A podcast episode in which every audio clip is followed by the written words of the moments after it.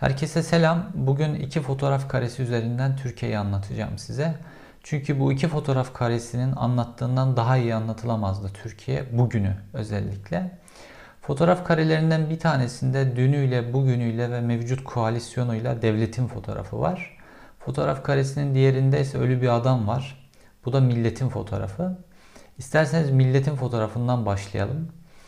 Milletin fotoğrafında Mustafa Kabakçıoğlu diye bir tutuklu var. Hükümlü daha doğrusu. Mustafa Kabakçıoğlu eski bir emniyet görevlisi, polis. Pek çok takdir belgesi olan bir polis, başarılı bir polis. Ve işte mevcut cemaat operasyonları kapsamında tutuklanmış. Kimse Yok mu derneğinin bir kampanyasına SMS ile katılmış vesaire gibi suçlamalarla tutuklanmış. Önce emniyetten ihraç edilmiş ve tutuklanmış. Ve işte 6 küsür yıl hapis cezasına çarptırılmış. 4 yıldır cezaevinde cezasını tamamlamasına da bir 4 ay varken hayatını kaybetti. Şimdi hayatını kaybettiği hücreye e, dikkat etmemiz lazım. O hücrenin fotoğrafı bize çok şey anlatıyor çünkü. Bugünkü cezaevlerinin durumu ile ilgili çok şey anlatıyor. Duvarları harabe, boyaları dökülmüş, bakımsız, yerler beton, pislik içerisinde bir hücre ve temizleme imkanınız da yok size. Öyle bir imkan da vermiyorlar. Öyle malzemeler de vermiyorlar orayı güzelleştirecek. Öyle pislik içerisinde bir hücre, eşyalarını koyacak doğru düzgün bir dolap bile yok. E, tuvalet kağıtları vesaire her şey yerlere istif edilmiş vaziyette. E, işte birkaç tane su, e, aldığı yemekleri üzerine koyacağı bir tepsi bile olmadığı için oradaki çöp kovasının kapağını tepsi olarak kullanıyor. Ve tabaklarla yemekler kendisine o hapishanenin o demir bir kapısı vardır hücrenizin kapısı. O kapıdan küçücük bir pencere açarlar ve o küçük pencereden verirler size yemeklerinizi. Oradan almış onu tepsi olarak kullanmış. Ancak o kadar halsiz ki muhtemelen oradaki mutfak tezgahının üzerini temizleyip onları koyacak hali bile olmamış. Onları oraya sadece koymuş yiyebilirim diye, yerim diye belki. Fakat anlaşılan o ki sonrasında sandalyesinin üzerine oturmuş ve ne o yemekleri yiyecek e, takati kalmış ne de başka bir şey ve öylece son nefesini vermiş o beyaz plastik sandalye üzerinde. O beyaz plastik sandalye üzerinde o polis memurunun eski KHK'lı polis memurunun can vermesi Türkiye'deki bugün süren cadı avı mıdır dersiniz, zulüm mü dersiniz artık adına bunun fotoğrafı aynı zamanda. Mustafa Kabakçıoğlu'nun hikayesine biraz gelirsek tutuklandıktan sonra tabii kronik astım ve şeker hastası olduğu ortaya çıkıyor bir süre sonra. Daha doğrusu cezaevinde bu hastalıklar artıyor iyice. Kronik hale geliyor. Ve defalarca tedaviye ulaşmaya çalışıyor. Defalarca dilekçe veriyor. Fakat tedaviye hiçbir biçimde ulaşamıyor. Ee, ve günlüğünde de bunları yazıyor. Hatta doktora yazdığı dilekçelerde de bunları yazıyor ki dosyasında var bunlar. Doktora diyor ki verdiğiniz ilaçları düzenli olarak kullanıyorum. Ama bu ilaçların bana yan etkisi olduğunu düşünüyorum. Çünkü Bazen sol tarafımı kullanamıyorum, bazen kolumu kullanamıyorum, bazen ayakta yürümekte zorlanıyorum. Bazen de dilim şiştiği için konuşma güçlüğü çekiyorum diyor. Ve tam teşekküllü bir hastaneye sevk edilip bütün tahlillerinin yapılmasını istiyor. Fakat bir türlü bu tedaviyi e, hakkı olan bu tedaviye ulaşamıyor ve cezaevinde durumu giderek kötüleşiyor, kötüleşiyor, kötüleşiyor ve 37 yaşında gencecik çocuğu olan bir polis memuru bir beyaz plastik sandalye üzerinde tek başına tutulduğu hücrede hayata gözlerini yumuyor. Tabi valilik sonrasında açıkladı. Valiliğin açıklamasına göre e, kendisi hastaneye götürülmek istenmiş defalarca fakat kendisi hastaneye gitmeyi reddetmiş. Böyle bir tutanak olduğunu iddia ediyorlar.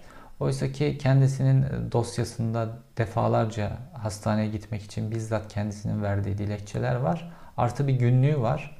Ve günlüğünde de gün gün hastalığının nasıl kötüye gittiğini, kendisini nasıl kötü hissettiğini anlatıyor.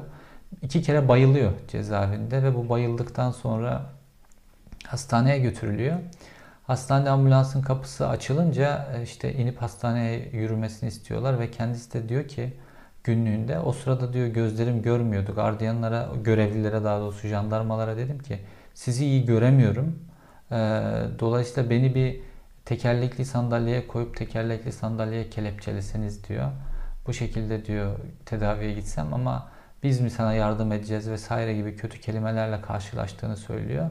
Ve bir şekilde kendisini hastanenin içerisine attığını söylüyor. Sonrasındaki işte tedavi e, tavsiyeleri vesaire hastaneden oluyor ama bunların hiçbirisi yerine getirilmiyor.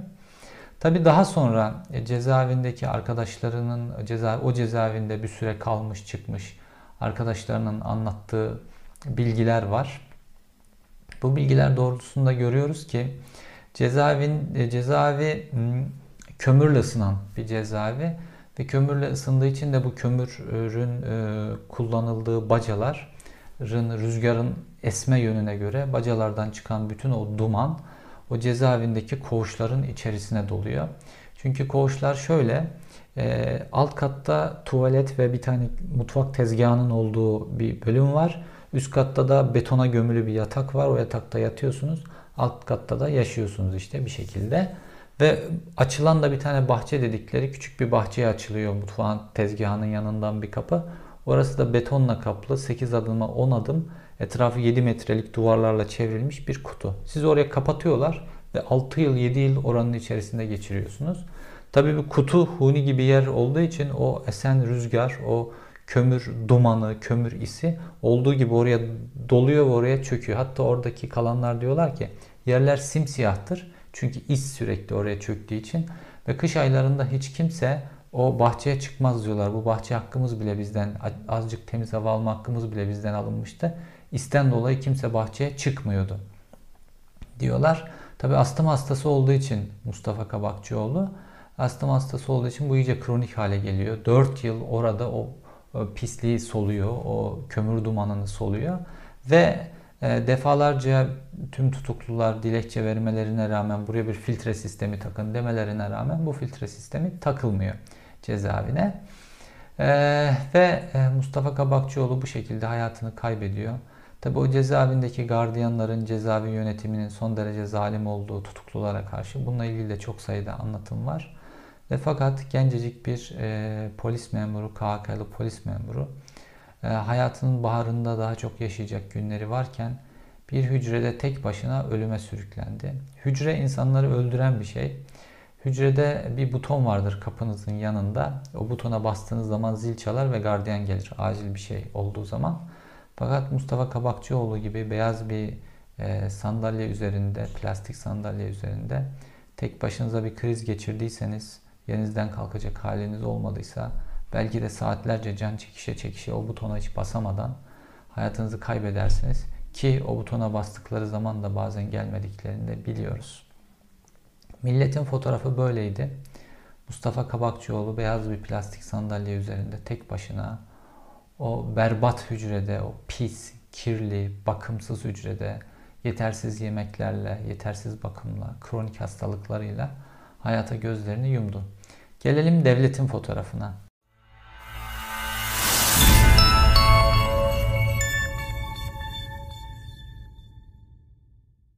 Devletin fotoğrafında Mehmet Ağar var.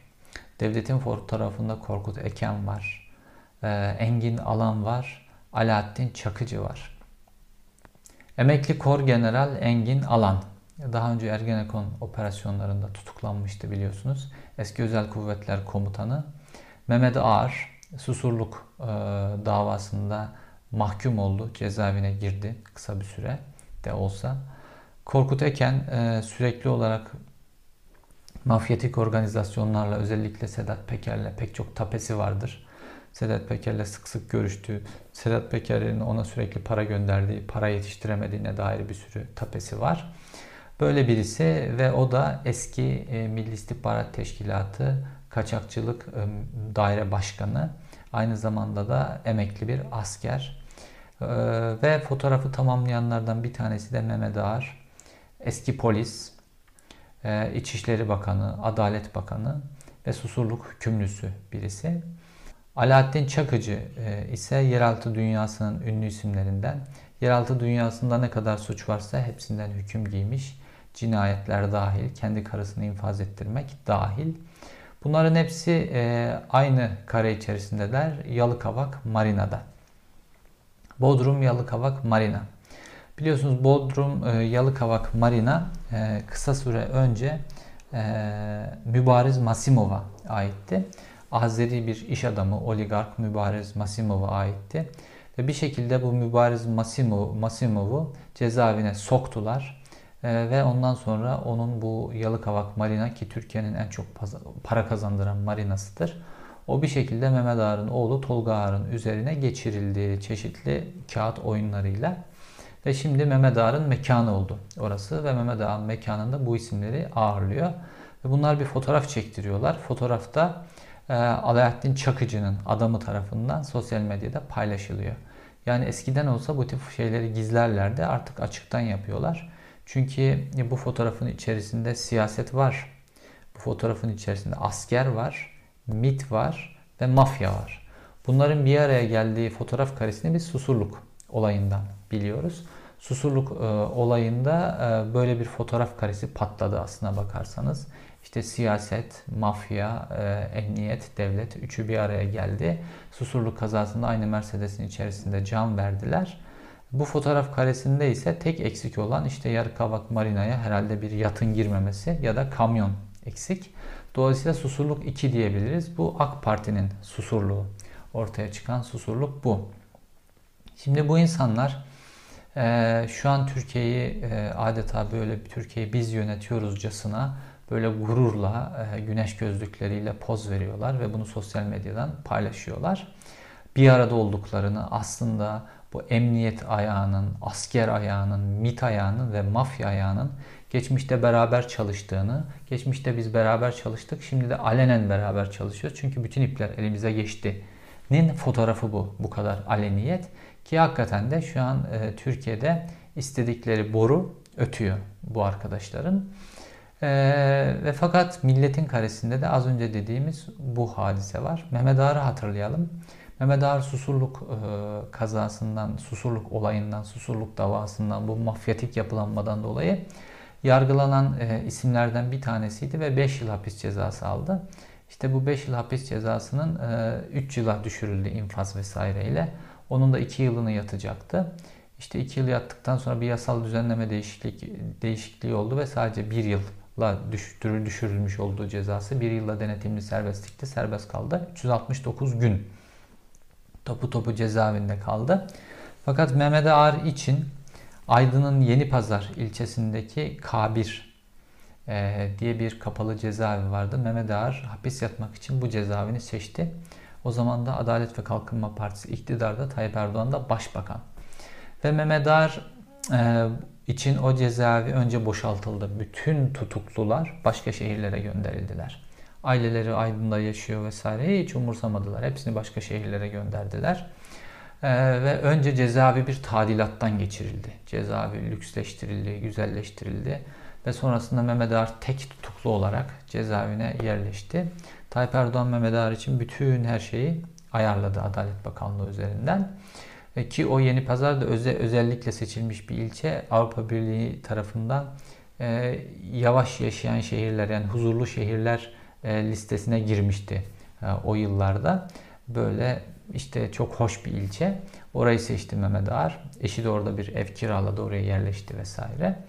Cezaevi tadilattan geçirilip bütün mahkumlar gönderildikten işte klima sistemi vesaire her şey takıldıktan sonra Mehmet Ağar gitti Yeni Pazar Kabir cezaevine girdi. Bahçesinde barbeküsü, ağırlayabildikleri konukları çünkü sürekli her gün normalde Hani ayda bir ziyaretçiniz olur. Bir tane başka dışarıdan ziyaretçi kabul etmek için ta savcıdan özel izin almanız gerekir. Şu bu hepsi hikaye.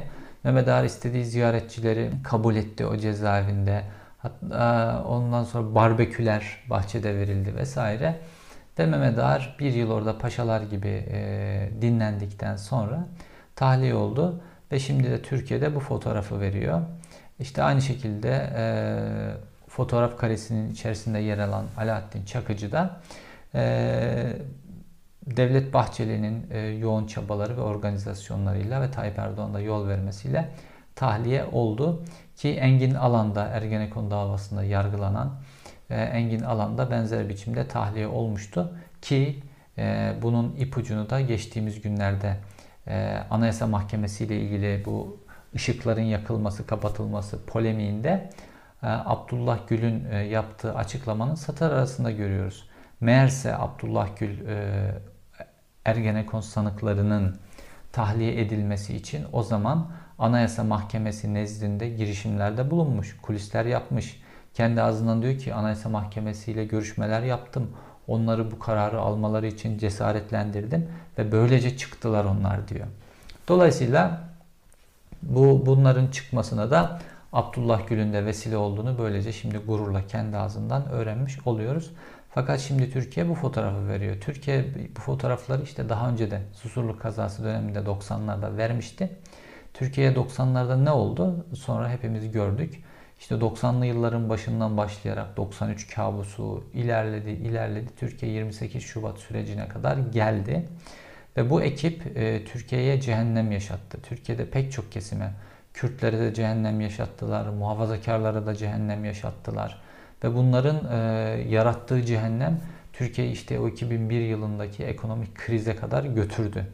Ve şimdi de yine birlikteler ve yine Türkiye bakıyorsunuz ekonomisiyle, siyasetiyle, hukukuyla her alanda yeni bir cehenneme doğru adım adım gidiyor. Yine o dönem dayak yiyenler dayak yiyor. İşte o dönemde işte muhafazakarlar dayak yiyordu. Şimdi de muhafazakarlar cezaevleri başörtülü kadınlarla dolu. İşte o dönemde Kürtler dayak yiyordu. Şimdi yine Kürtler görüyorsunuz helikopterden atılma dahil her şeyi yapıyor. Kürtlerin başına getiriliyor. Kare fotoğraf aynı fotoğraf. Ama bu sefer 90'lardakinden daha cüretliler. 90'larda bir kamyon kazasıyla Susurluk'ta bu fotoğraf ortaya dökülmüştü. Şimdi kendileri sosyal medyadan gururla paylaşıyorlar bu fotoğraf karelerini. Ve dolayısıyla da Türkiye'nin nereye gittiğini, şu an Türkiye'nin ne olduğunu anlayabilmek için bizim fokuslanmamız gereken bu iki fotoğraf karesi. Her şey bu iki fotoğraf karesinde özetli. Mustafa Kabakçıoğlu'nun beyaz bir plastik sandalye üzerinde takdirli, belgeli, dürüst bir polis memurunun beyaz plastik bir sandalye üzerinde tek başına pislik içerisinde bir hücrede, rezil bir hücrede can verişi ve e, diğer taraftan Mehmet Ağarların, e, mafyanın, siyasetin, MIT'in, e, askerlerin bu suça bulaşmış kesimlerinin e, altın çağı yaşanıyor ve bunlar da çöktükleri Yalıkavak Marina'nın çıkışında bu fotoğraf karesini veriyorlar. Yani diyorlar ki biz Türkiye'ye çöktük diyorlar. Durum bu. 90'larda nasıl bir bedel ödendiyse 90'ların sonunda 2000'lerin başında Türkiye daha cüretli oldukları için bu ekip daha büyük bir bedel ödemeye doğru gidiyor. İzlediğiniz için teşekkür ederim. Görüşmek üzere.